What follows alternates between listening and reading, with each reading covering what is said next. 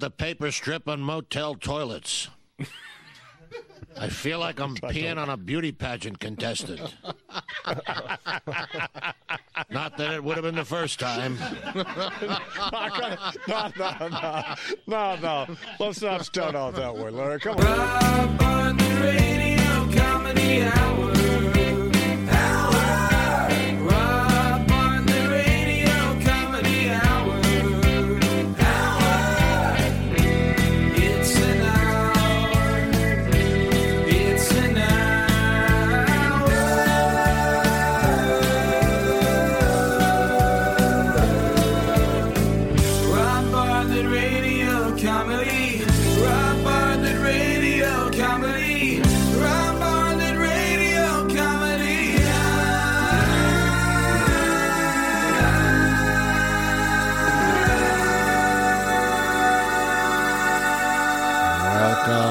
Welcome, welcome, boys and girls, to the Rob Bartlett Radio Comedy Hour. I am Rob Bartlett. This is my Radio Comedy Hour, and I know it's been a while. I know uh, the last uh, comedy hour we did was back before Christmas, and uh, there was a good reason why it's taken me so long to post another episode. I didn't feel like it. Quarantine just got the better of me. I, I decided that I was going to stay in my robe and watch television and eat string cheese until I felt I really couldn't do that anymore and then I would get back to work. And so this is episode three of season five. It's been months since episode two, which if you haven't checked out, you should. The silly episode. Very, very funny. Silly, stupid. And then the one before that, of course, a two part episode interview with the great Rick Nielsen from Cheap Trick. Uh, two part interview. Just really, really a lot of fun. Good friend and some terrific stories. But this is episode three, and the theme is three. And the theme is three because three guys who I did on the Imus in the Morning program passed away within three weeks. January 23rd, it was Larry King. February 10th, it was Larry Flynt. And February 17th, it was Rush Limbaugh. The three were in a row, and they were all characters that I did, and it just made me worried for Dr. Phil and Brian Wilson, because God forbid they could be next.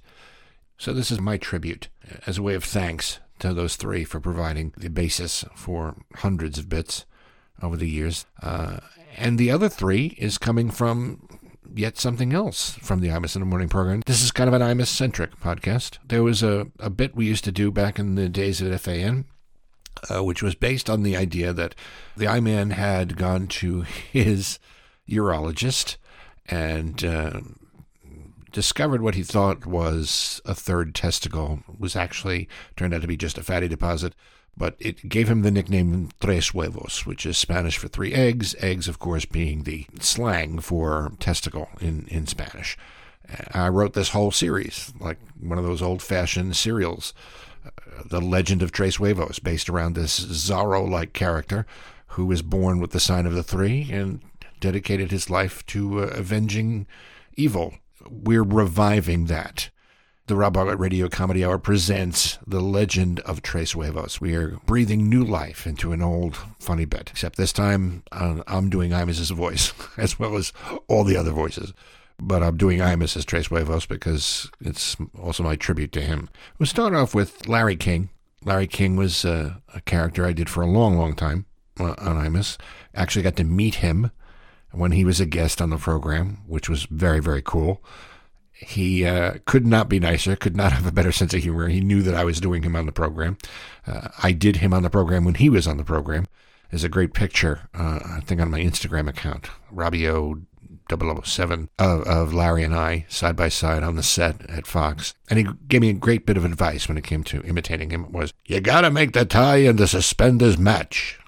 So thank you, Larry, for, for for all those great laughs that you provided for me.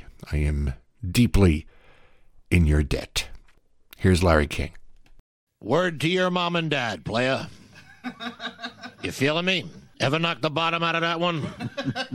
well, well, well, I, I she may have been a little hefty, but boy, was that gal ever limber. Had a rubber fetish, you know. Used to make me wear dishwashing gloves before I did her. We had a threesome with Ernest Borgnine once, back when he was on McHale's Navy. Lovely guy. Cries in bed. Well, I wasn't aware of that. So, How come when I eat asparagus, my pee smells funny? Here's an email question from Jane in Mukwonago, Wisconsin. Is there a green way to kill your husband? welcome now to the program, Larry King. Good morning, Larry. You know, friendship is like peeing your pants. Everyone can see it, but only you can feel its true warmth. The pageantry, the splendor, the joy that is sitting at home at three o'clock in the morning watching synchronized swimming. The Summer Olympics are in full swing, gang, and you know, I gotta say, some of the events escape me. Water polo, for example. I don't know why Peter isn't up in arms. You never see those horses come up for air once. But what caught my eye during this particular Olympic endeavor was that officials have had to call into question the sexual identity of some of the Russian women competitors. Now, just because some of them resemble Ernest Borgnine before a bikini wax doesn't exactly mean they're men. Seems to me it's pretty straightforward. If Svetlana has a schmeckle, she's a guy.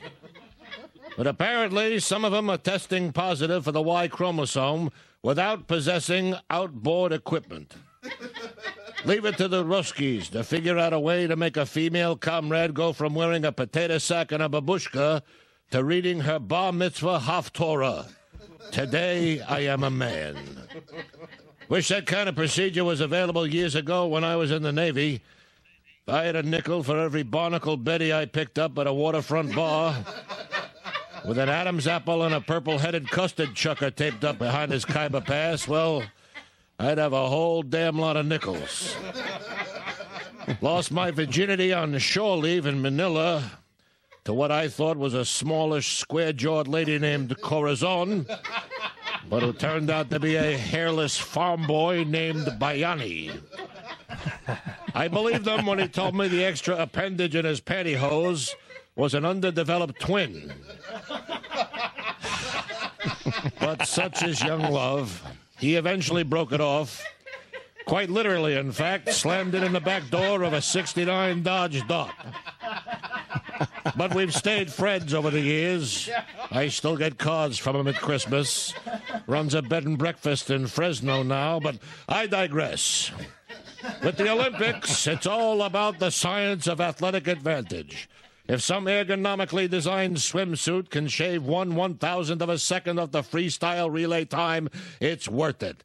Just ask those snail sucking winos from the French team. Hey, Jean Claude, embrassez mon année. Suck it, Froggy. Humptulips, Washington. What do you got? Larry King. Here's Larry King. Good morning, Larry. Morning. You know, I come from humble beginnings. In fact, when I was a kid, if I didn't wake up with an erection, I had nothing to play with the rest of the day. but as Harry Truman once said to me, Boy, that Mamie Eisenhower is sure a dog, isn't she? And speaking of that, whatever happened to manners? You got guys making Obama 08 t shirts with Curious George on the front. Now, although George is a well loved children's book character, that'd be like making a Hillary shirt with the elephant from Horton Hears a Who on it. I never got the whole Curious George thing. Seemed to me there was quite a disturbing, unnatural relationship between him and the man in the yellow hat. I mean, the guy wasn't married, no girlfriend to be found, spent an inordinate amount of time with a monkey. But you know, even though the cute little fella got into all kinds of mischief, the man in the yellow hat never spanked the monkey. you know why? Censorship. You can't show cruelty to animals. Which is why I was curious myself about the whole cow humping episode here on your show yesterday, Ringo. I'm from Brooklyn, so I never saw two cows going at it, although I have seen beef stroganoff, which I guess must help keep the meat tender. And by the way, one of the reasons I don't eat beef jerky. You know, I remember as a kid seeing two dogs in the street mounting each other, and when I asked my father about it, he said one dog was sick and the other one was pushing him home. and then he turned the hose on him. Which I did once when I walked in on my grandparents going at it. of course, it didn't go over quite as well there. Bug Scuffle, Tennessee. You're on with Buddy Greco. Larry Shawnee, Kansas. What do you got for Morty Gunty? Thanks for the laughs, Larry. Larry Flynt was also a good sport about me doing all those awful things in, in his voice. Some of my favorite bits. So here's Larry Flynt. We had a discussion yesterday about Rob insisting on uh, making fun of, a, of our friend Larry Flynt. And uh, of course, uh, Warner weighed in with uh, his view of all this, and uh, Warner not distraught about it, but certainly not happy. And and certainly, Warner reflects the views of many people who watch and listen to the program. And then, but here comes Rob again, and going to do it again regardless. Yeah.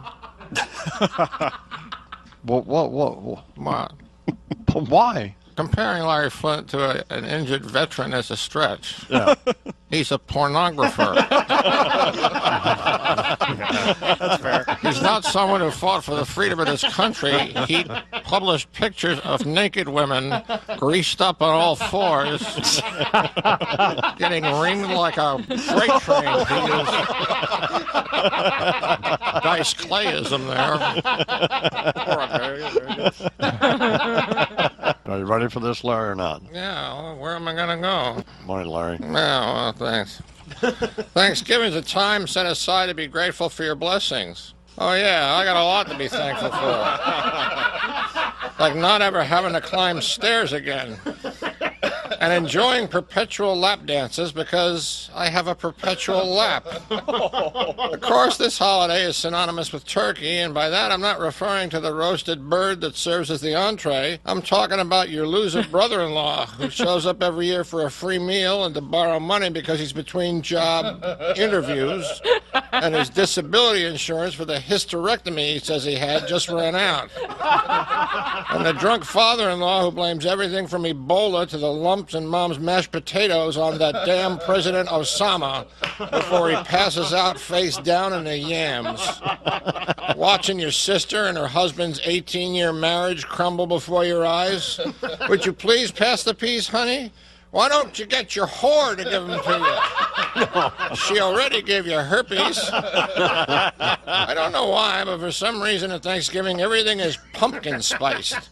From your Starbucks latte to your donuts to your wife's douche flavor. When did an effing squash suddenly become such a taste treat? Then there's the annual Macy's Thanksgiving Day Parade where you have to watch three hours of celebrities you've never heard of waving at you from the back of convertibles. Marching bands with mouth breather high school students from the Midwest doing arrangements of songs not meant to feature a 60 person brass section, like Jimi Hendrix's Purple Haze, while they wear neckties tied around their foreheads. And of course, Al Roker making his annual contribution of lame turkey puns. You know, that bird you see there on the Patrolmen's Benevolent Association looks like he just might get arrested for foul play. oh, go kill yourself, Roker. Loser. Pass the stuffing. I can't reach it. Thank you very much, Larry. Welcome once again to the Iverson Wayne program. Please welcome to the Iverson Wayne program our old friend Larry Flynt. Larry, how are you? Oh, great. How are you? I'm pissed off. That's how I am. Ooh, I'll alert the media.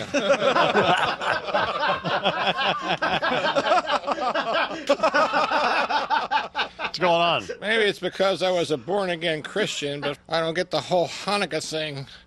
The traditions are a little confusing to me. No tree, but there's potato pancakes. No hanging up stockings, but there is a spinning wooden top that you can bet on. What happened? They couldn't get the rights to the slinky? I feel bad for kids on Hanukkah. They get one gift a night, so they wind up getting one crayon out of an eight box. wow, purple. I've been waiting for this since Tuesday. Hanukkah celebrates the miracle of lamp oil lasting for eight nights. A whole holiday based on being energy efficient. I don't know why it's considered a miracle. The Israelites lived in the Middle East. They were sitting on top of a billion barrels. They're having a hard time getting a gallon to keep the lights going. What's the real Hanukkah miracle? Not having to wait online at the movie theater on Christmas Day? It's not like there are any real Hanukkah movies. They don't have a Jewish version of It's a Wonderful Life. What would they call it? Eh, it's a life.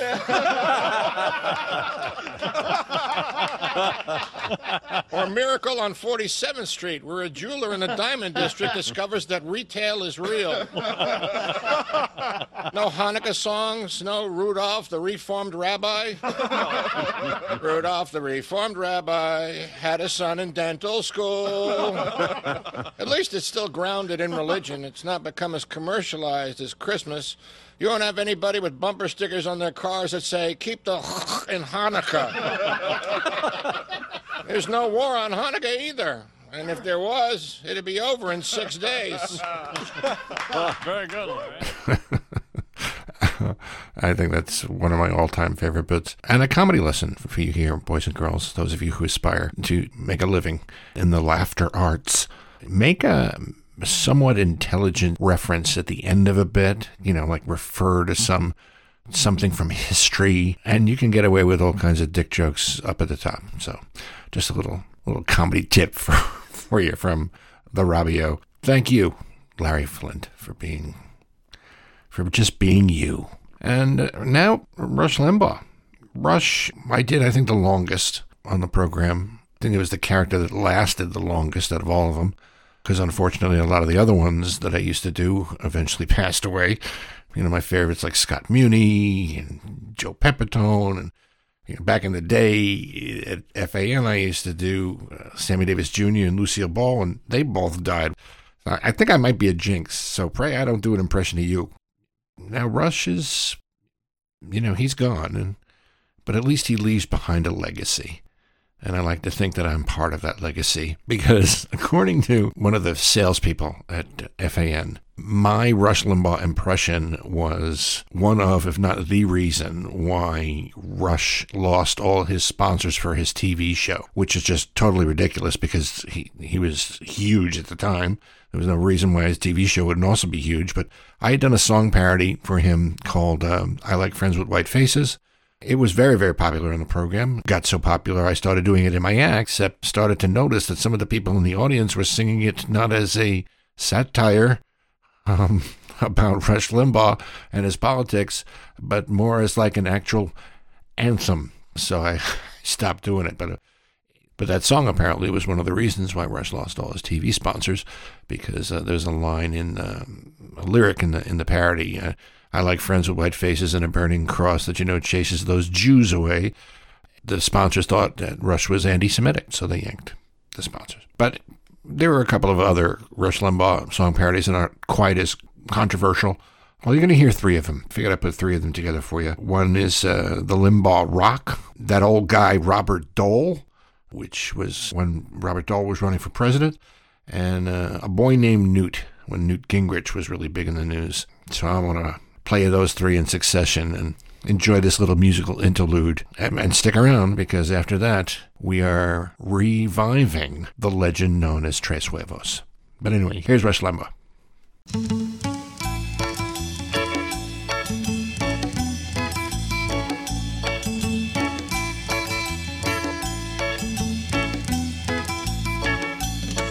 Every right wing boy and girl all around the industrialized world gonna do the Limbaugh rock all around the Limbaugh clock.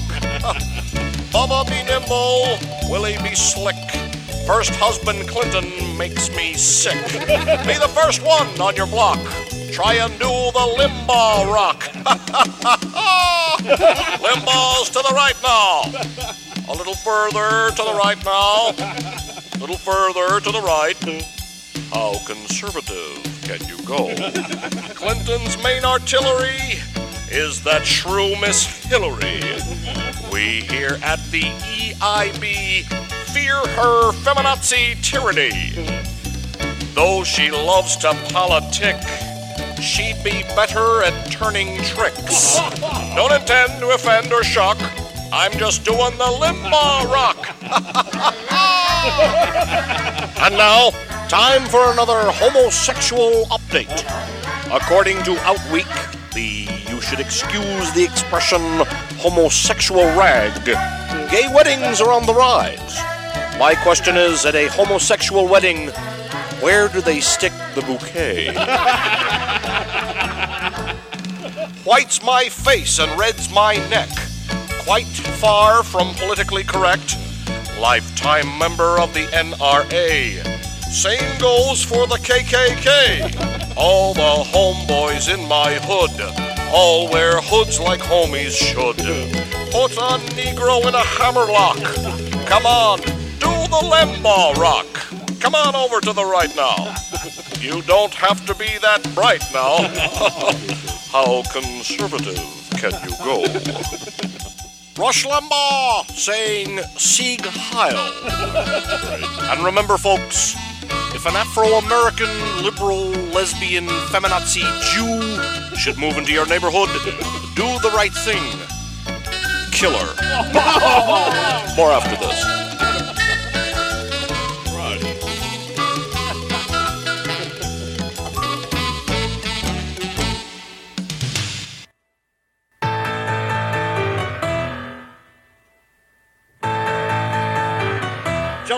Those left wingers out the door.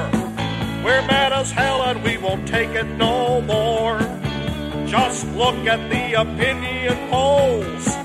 We want that old guy, Robert Dole. I've had it up to here with liberals. We need a president with principles. Not a gigolo with no self control. Give me that old guy, Robert Dole. Robert Dole. Bubba Clinton's about to lose control. So I'm saying on your radio, give me that old guy, Robert Dole. Here's a little downside called the New Hampshire Shuffle. Mark those ballots now. Uh, Senator, may I borrow your pen? Call him a relic, say he's over the hill. But he's still better than that imbecile Phil. No sex and violence at his movie show. Vote for that old guy, Robert Dole. You'll never see him with a bimbo. No knees are knocking with a five dollar hole. Ain't got a prostate, but he's sure got a soul. We love that old guy, Robert Dole. Still like that old guy, Robert Dole. Bubba Clinton's about to lose control. So I'm saying on your radio, give me that old guy, Robert Dole. Give me that old guy, Robert Dole. Bubba Clinton's about to lose control. So I'm saying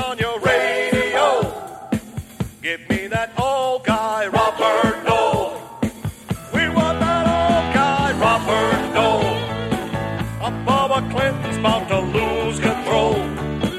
So I'm here saying on your radio, give me that old guy, Robert Dole. Still like that old guy, Robert Dole.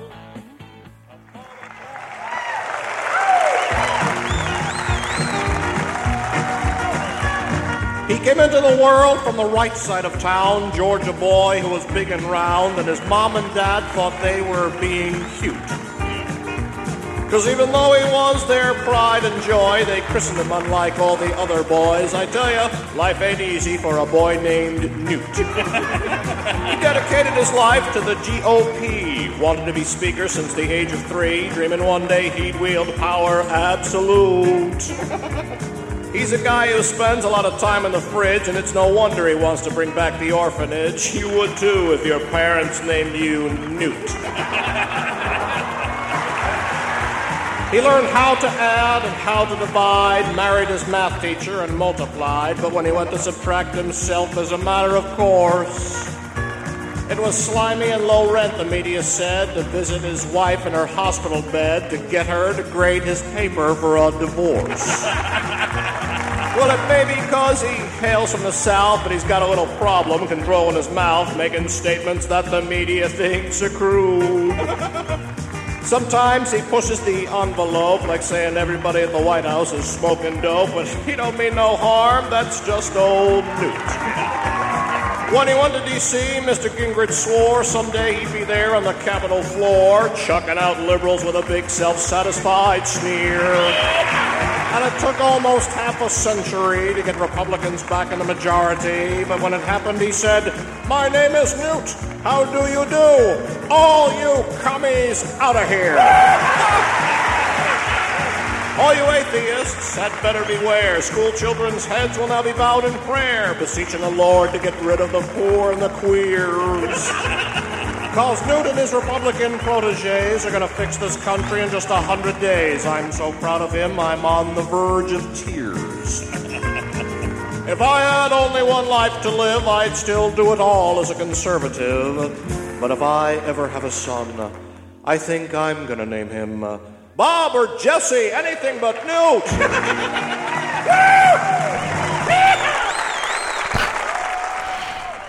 Thanks, Rush. Well, now comes the point to revive uh, what was one of my favorite bits in the Imus in the Morning program. It was based on the concept that Imus thought that he had three testicles. So, uh, for the first time in 30 years, the legend of Tres Huevos.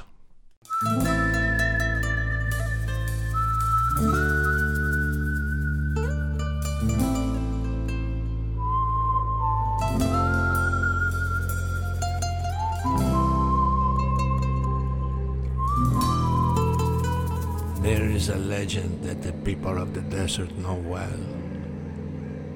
The legend of a man born with El Signo de los Tres, the sign of the three. A hero endowed with the power of extraordinary masculinity who rose up to defy oppression and protect the innocent. A man whose superhuman gift would forevermore be his legacy who turned personal tragedy into a quest to fight against evildoers and bring them to justice. Tres huevos! Out of the night comes a frightening sight. It's the man they call Tres Huevos. Tres Huevos! He's much better than you, for you only have two. The manly man known as Tres Huevos. Tres Huevos! So bravely he rides into battle. Tres Huevos! He rides extra tall in the saddle. Tres Huevos! Born with the sign of the three. Tres Huevos! As ballsy as one man can be. Tres! Our story begins, as most legends often do, with humble beginnings. In a little village of Pequeño Pueblo, where a poor migrant refried bean farmer, Don Diego de los Pobres Desgraciados, was gifted by his wife with a son. But it was clear that this boy was no ordinary child. He was special. Born with the sign of the three. Three testicles. So difficult was the 187 hour labor prior to the birth, Don Diego's slim and petite wife's tiny body could not withstand the size of the newborn's special gift, and shortly after bringing her only son into the world, died of exhaustion. Shh! Ah, mijo, don't cry. Your mama's not here. She is safe with the angels. But your papa is here, and will be with you always. Your road will be a difficult one, my son, because you are different than all the other children. But you are special. And your papa will teach you how to use your special gift for good, to protect the innocent and battle injustice. I will call you Don Imus.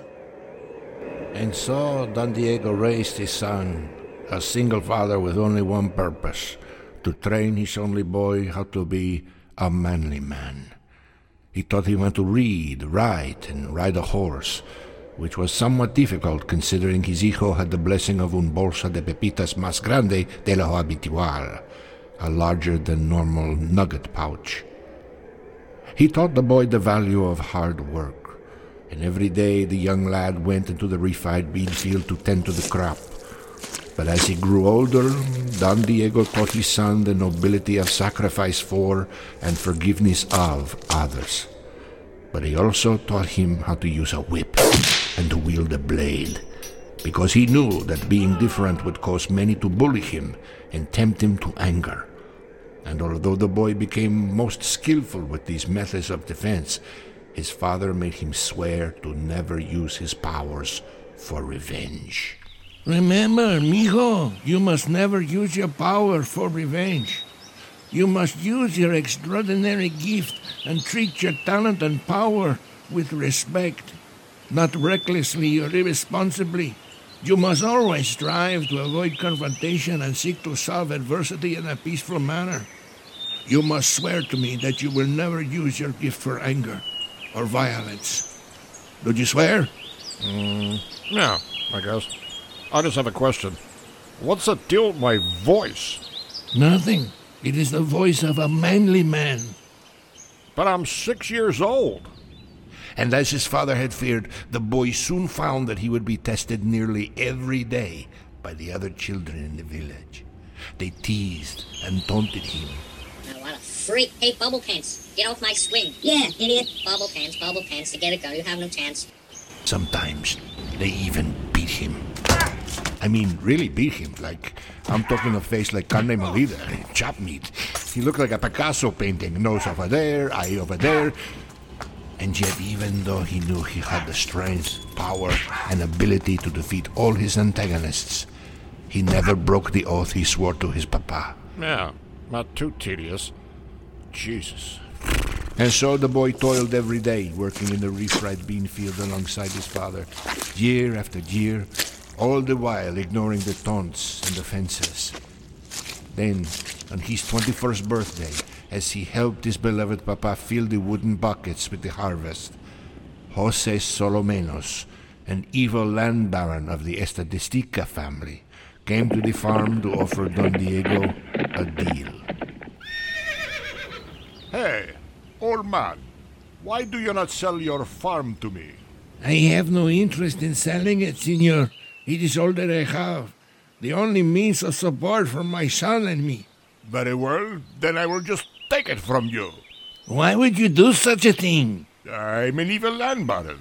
It's uh, my gig. Okay, let's be reasonable. I mean, who am I? Harvey Korman from Blazing Saddles? I will give you mm, half of what it is worth. Hey, Fatso, you deaf? He said it's not for sale. Mijo, do not interfere. Yes, listen to you, old man Bubble Pants. You do not want to mess with me. With all due respect, Senor Solomenos, I cannot sell you my farm. But if there's anything else I could do for you, it would be my honor to assist. Before the words were even out of his mouth, Solomenos spit on Don Diego. You son of a bitch! Do not be tempted to violence, mijo. There is nothing good that comes from anger. Yes, listen to your old man, kid. You wanna mess with the eagle, you better learn how to fly. but you already have a problem with flies, don't you? The ones around your father, and the one that you cannot zip up quite that well. And with that, Solomenos rode away. But then, later in the afternoon, when they had run out of buckets, Don Diego sent his son into town to purchase more of them to accommodate the bountiful harvest. Hurry, mijo, before they close. We can harvest many more shovels full before sundown if you are swift in your task. The young man sped into town on his trusty steed, Chicharron, to procure the extra containers to fill with their crop of refried beans. But when he returned, to his horror, he found the farm in flames, the field, the house, and the stable all ablaze, and his beloved father sprawled on the ground, savagely beaten and very near death. Pop, how'd this happen? Who's. who's responsible? Solomenos. he would not be satisfied until he took from us our farm and our home. I fear that my time has come, my son. In mere moments, I will be rejoined with your mama in paradise. How, how I ache to kiss that one absurdly long eyebrow across her forehead. But you must promise me. I know. I I swore to you an oath. I will not use my gift to avenge your death. That's funny. You're kidding me, right? Uh, you told me to avoid confrontation and seek to solve adversity in a peaceful manner. Didn't you? Well, yeah, but I didn't think some asshole was going to burn down our house and livelihood to the ground and, and leave me for dead. You made me swear I'd never use my gift in anger and violence. Yeah, I know, but I'm about to take the dirt nap, kid. Uh, you, you gotta avenge my death. I will never go back on my sacred oath to you, my father. Never. So what now? Some guy comes in and destroys your life and kills your pops, and you're not going to do anything about it? You once told me there's no honor in bravery without integrity. I. it, it wasn't some kind of personal philosophy. I, I used to say that uh, just to sound cool. I got it off a fortune cookie, for Christ's sake. Look, you gotta go kick Solomenos' ass. No, no, no, no, no. I'm not, I'm not going to go back on my word. Seriously? Okay, so what? You gonna be a pussy now? I'm not a pussy. Look, I was waiting to tell you this when you were old enough to, to understand. Uh, I'm 21. Nah, really? When? Today. It's my birthday. Oh, wow. that went fast, didn't it? Happy birthday, mijo. well, I guess I should tell you now, because I don't got a lot of time left. See, th- there's this legend. Some would call it a myth. A story of a man, a manly man. A man born with El Signo de los Tres, the sign of the three. A hero endowed with the power of extraordinary masculinity. who rose up to defy oppression and protect the innocent.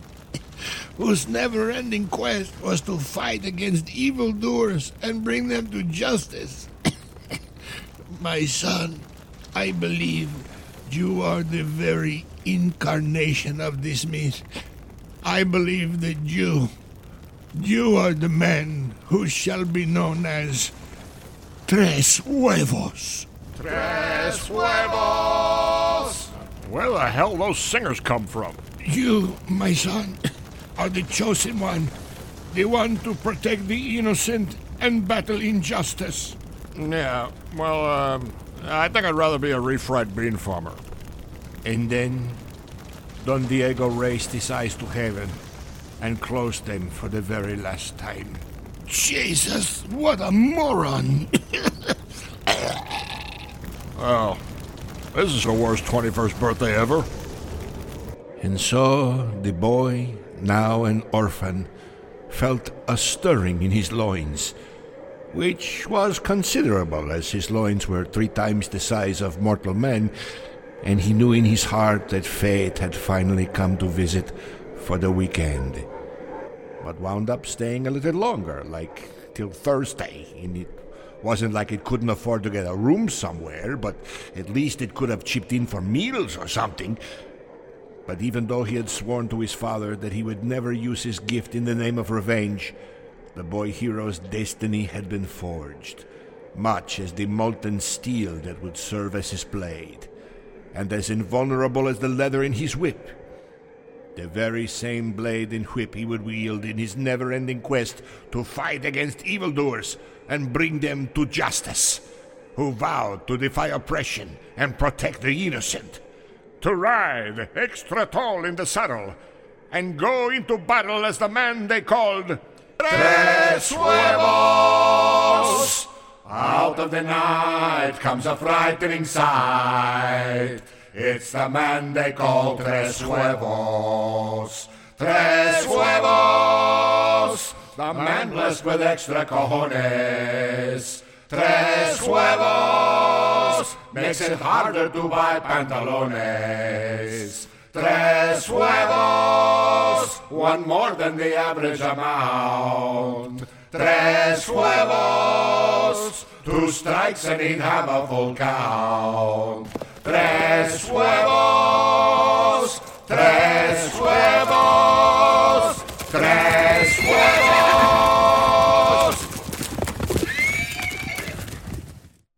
Next time on The Legend of Tres Huevos. Hey, Fatso, who are you? My name is Jose Gabriel Perez Garcia Gomez Izquierda de la Nina Pinta Santa Maria Sucio Sanchez, but you can call me Pendejo. Uh, what do you want? I wish to apply for the position of your sidekick, senor.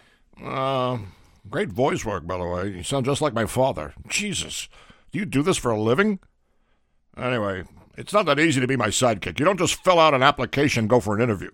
There's a certain set of criteria involved. Requirements must be met. I have very high standards. You got a horse? Si, senor. My trusty steed, Gordito. Okay. You start Tuesday. Don Solomino, my name is Tres Huevos. You killed my father? Prepare to die. You know, that's totally from Princess Bride, right? I mean, come on. Next time on Tres Huevos, Tres Huevos, Tres Huevos, Tres Huevos. Tres Hope you enjoyed the uh, tribute to the end of an era, boys and girls, and uh, the three figures who were responsible for literally hundreds of bits. Uh, thanks to Rush Limbaugh, Larry Flynt, and especially Larry King for all the laughs. But most of all, of course, thank you to the I Man Don Imus, without whom none of this would have been possible. None of the bits, none of the laughs, and pretty much none of the stuff I was able to do that came after it. And thanks to Charles McCord, Connell McShane, Nat Candido, Dagen McDowell, Lou Ruffino, Gareth Foster, and, of course, to my partner Tony Powell, who served in the front lines with me over the years. And uh, they all provided the laugh track that kept the bits from sounding like shit, basically. Uh, if you enjoyed this program, drop us a line at Robio Radio Comedy Hour at gmail.com. Uh, subscribe to us so you'll always have the latest episode, uh, even if it takes four months. Uh, please leave us a good review on Apple Podcasts. It helps other fans find us. Check out all the latest Robio news on the Robio Radio Comedy Hour Facebook page. Follow us on Twitter at the Robio. Follow our Instagram, Robio Radio Comedy, and also Robio 007. And if you are interested in stand up comedy or acting, the rbstudios.com. The rbstudio.com is uh, the home of uh, my my little enterprise where I can I can help teach you the ropes and on Zoom coaching for folks before their auditions in theater and TV and stand up. So go to therbstudio.com or, or send me an email, robio at therbstudio.com, and uh, check it out. Uh, it's, uh, it's something to do. Our program produced by Gary Grant and me, Rob Bartlett. Written by me, Rob Bartlett, along with the great Andrew Smith.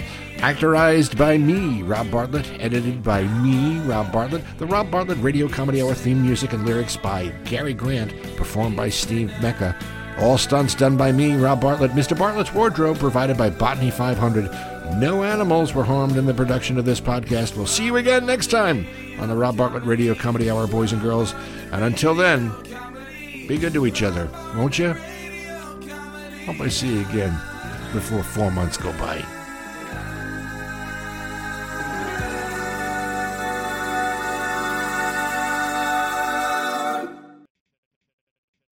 Good morning, Larry. Uh, there are some people on the program who take exception to my appearances here. They feel that my making observations and comments on the issues of the day are violating some social moray by mocking those with disabilities. And I'm not pointing any fingers, obviously. it's not that I don't want to, but they feel that way for a good reason. They're stupid. I'm not talking regular stupid. I'm talking banjo playing, missing a chromosome, stuck in the lobby because the escalator is broken stupid. Right. If anything, I'm an example of empowering the handy capable.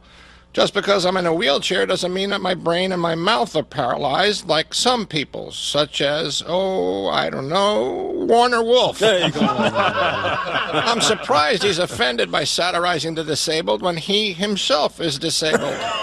He's an antediluvian midget. When his wife wants to keep him away from the box of wine, she sticks it on top of the refrigerator.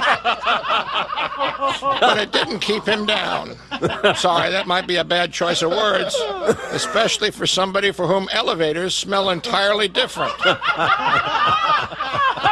But Warner refused to allow his handicap to define him. He let other people do that. He became one of the greatest sports reporters of all time. All time. In fact, he was inspired to go into sports reporting because he couldn't participate in sports other than horse racing. Although he could have gone pro in dwarf tossing, except they didn't have an association. Oh, man. But it was his high school classmate, Abner Doubleday, who said to him, You know, you should go to the videotape. Just make sure it's not running when the teeth fall out of your mouth. And Warner went on to become incredibly successful in his career, coining catchphrases like change the rule, foul pole, fair pole, you lost, hot doggy, and who's going to change my depends. Oh, I'm sorry, wait a minute, that last one is mine.